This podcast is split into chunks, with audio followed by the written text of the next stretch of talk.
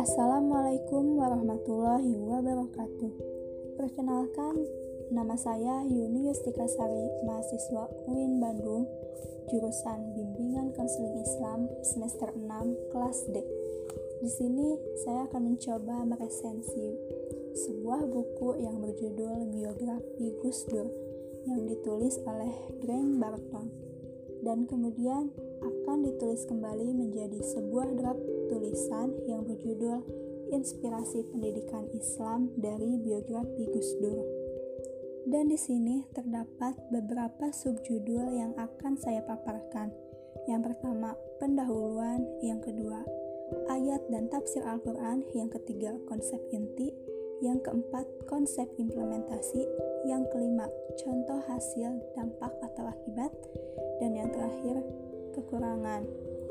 Nah, yang pertama yang akan saya paparkan yaitu pendahuluan mengenai pendidikan Islam. Pendidikan adalah wahana untuk mengasuh, membimbing, dan mendidik putra-putri generasi penerus bangsa untuk bisa menjadi warga negara yang baik supaya mempunyai keseimbangan hidup antara duniawi dan ukhrawi.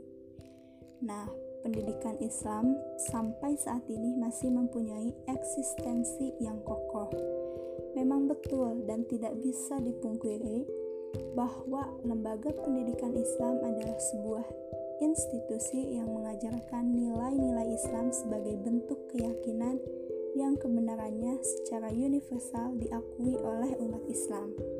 Kemudian, eh, pendidikan Islam dalam perspektif Abdurrahman Wahid merupakan satu kesatuan yang tidak bisa terpisahkan sebab satu sama lain mempunyai keterkaitan yang cukup erat dalam mengembangkan pendidikan Islam masa depan.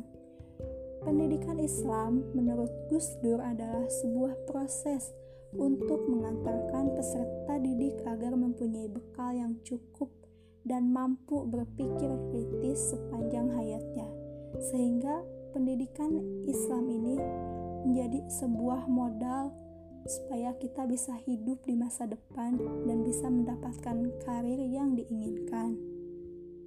Tujuan pendidikan Islam merupakan sebuah rangkaian proses pemberdayaan manusia menuju aktif dan pendewasaan untuk menjalankan fungsi kemanusiaan yang diemban sebagai seorang hamba di hadapan Sang Pencipta dan sebagai pemelihara dan khalifah pada semesta. Dengan demikian, tujuan akhir pendidikan Islam adalah sebagai proses pembentukan diri peserta didik agar sesuai dengan fitrah keberadaannya. Nah, pendidikan Islam dalam perspektif Gus Dur ini merupakan sebuah kombinasi antara pemikiran pendidikan Islam tradisional dan pemikiran Islam yang diadopsi oleh pemikiran Barat modern sehingga mampu melahirkan sistem pendidikan dalam konsep pembaruan sesuai dengan tuntutan Al-Quran. Kemudian, subjudul yang berikutnya yaitu mengenai ayat dan tafsir Al-Quran yang relevan. Di sini saya mengambil Quran surat Al-Alaq ayat 1 sampai 5. Nah, hmm, yang artinya bacalah dengan menyebut nama Tuhanmu yang menciptakan dia telah menciptakan manusia dari segumpal darah. Bacalah, dan Tuhanmulah yang Maha Pemurah, yang mengajar manusia dengan perantara kalam. Dia mengajar kepada manusia apa yang tidak diketahuinya. Surat Al-Alaq 1 sampai 5 ini merupakan wahyu pertama yang diterima Nabi Muhammad SAW Inilah wahyu pertama yang diturunkan oleh Allah Subhanahu wa taala kepada Nabi Muhammad yang dalam kajian Ibnu Kasir dikatakan sebagai rahmat dan nikmat pertama yang dianugerahkan Allah Subhanahu wa taala kepada para hambanya. Dan inilah yang menandai penobatan beliau sebagai Rasulullah, utusan Allah Subhanahu wa taala kepada seluruh umat manusia. Wahyu inilah yang menjadi tonggak perubahan peradaban dunia.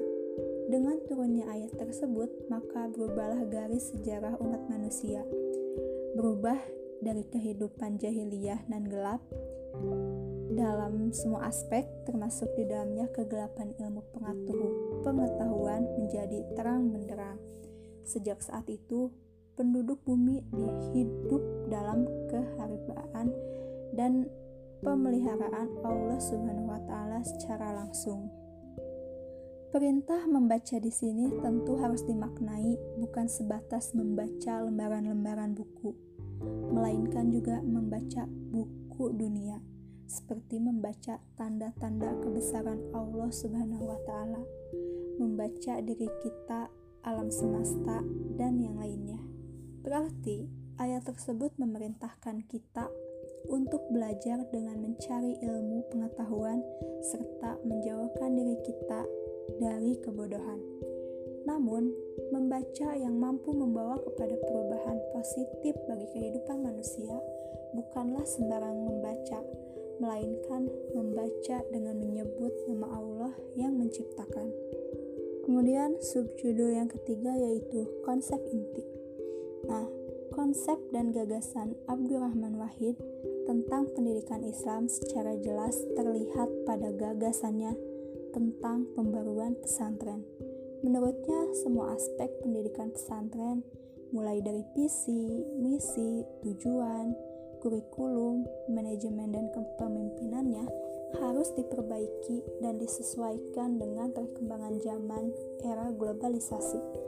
Meski demikian, menurut Gus Dur, pesantren juga harus mempertahankan identitas dirinya sebagai penjaga tradisi keilmuan klasik dalam arti tidak larut sepenuhnya dengan modernisasi tetapi mengambil sesuatu yang dipandang manfaat positif untuk perkembangan.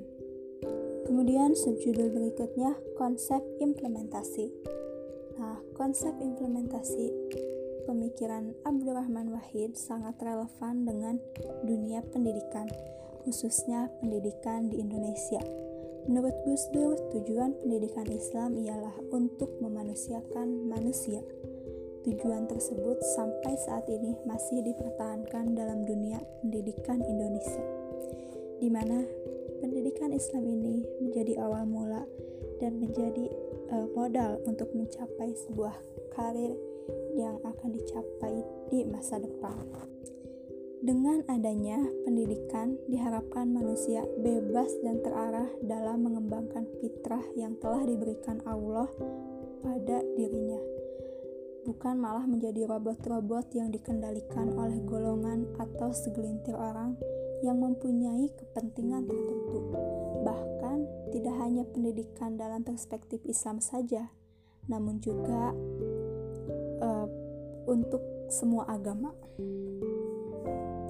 Kemudian juga orientasi pendidikan lebih ditekankan pada aspek afektif dan psikomotorik Selain itu, pembelajaran aktif, kreatif, dan objektif akan mengarahkan peserta didik mampu bersifat kritis dan selalu bertanya sepanjang hayat. Pemikiran beliau yang satu ini nampaknya sudah diterapkan dalam sistem pembelajaran di Indonesia saat ini, yakni dengan adanya metode active learning, di mana baik pendidik maupun peserta didik harus sama-sama aktif dalam kegiatan belajar mengajar. Lanjut ke subjudul berikutnya yaitu contoh hasil implementasinya. Yaitu eh, contohnya mengambil dari sosok Gus Dur itu sendiri. Perjalanan karir Gus Dur sepulangnya dari pengembaraannya mencari ilmu. Jadi eh, Gus Dur itu mencari ilmunya tidak hanya sebatas hanya di Indonesia, enggak, tetapi dia itu benar-benar mencari ilmu sampai ke luar negeri Kemudian Gus Dur kembali ke Jombang dan memilih menjadi guru. Kemudian beliau menjadi sekretaris pesantren Tebu Ireng Jombang dan juga mulai menjadi penulis.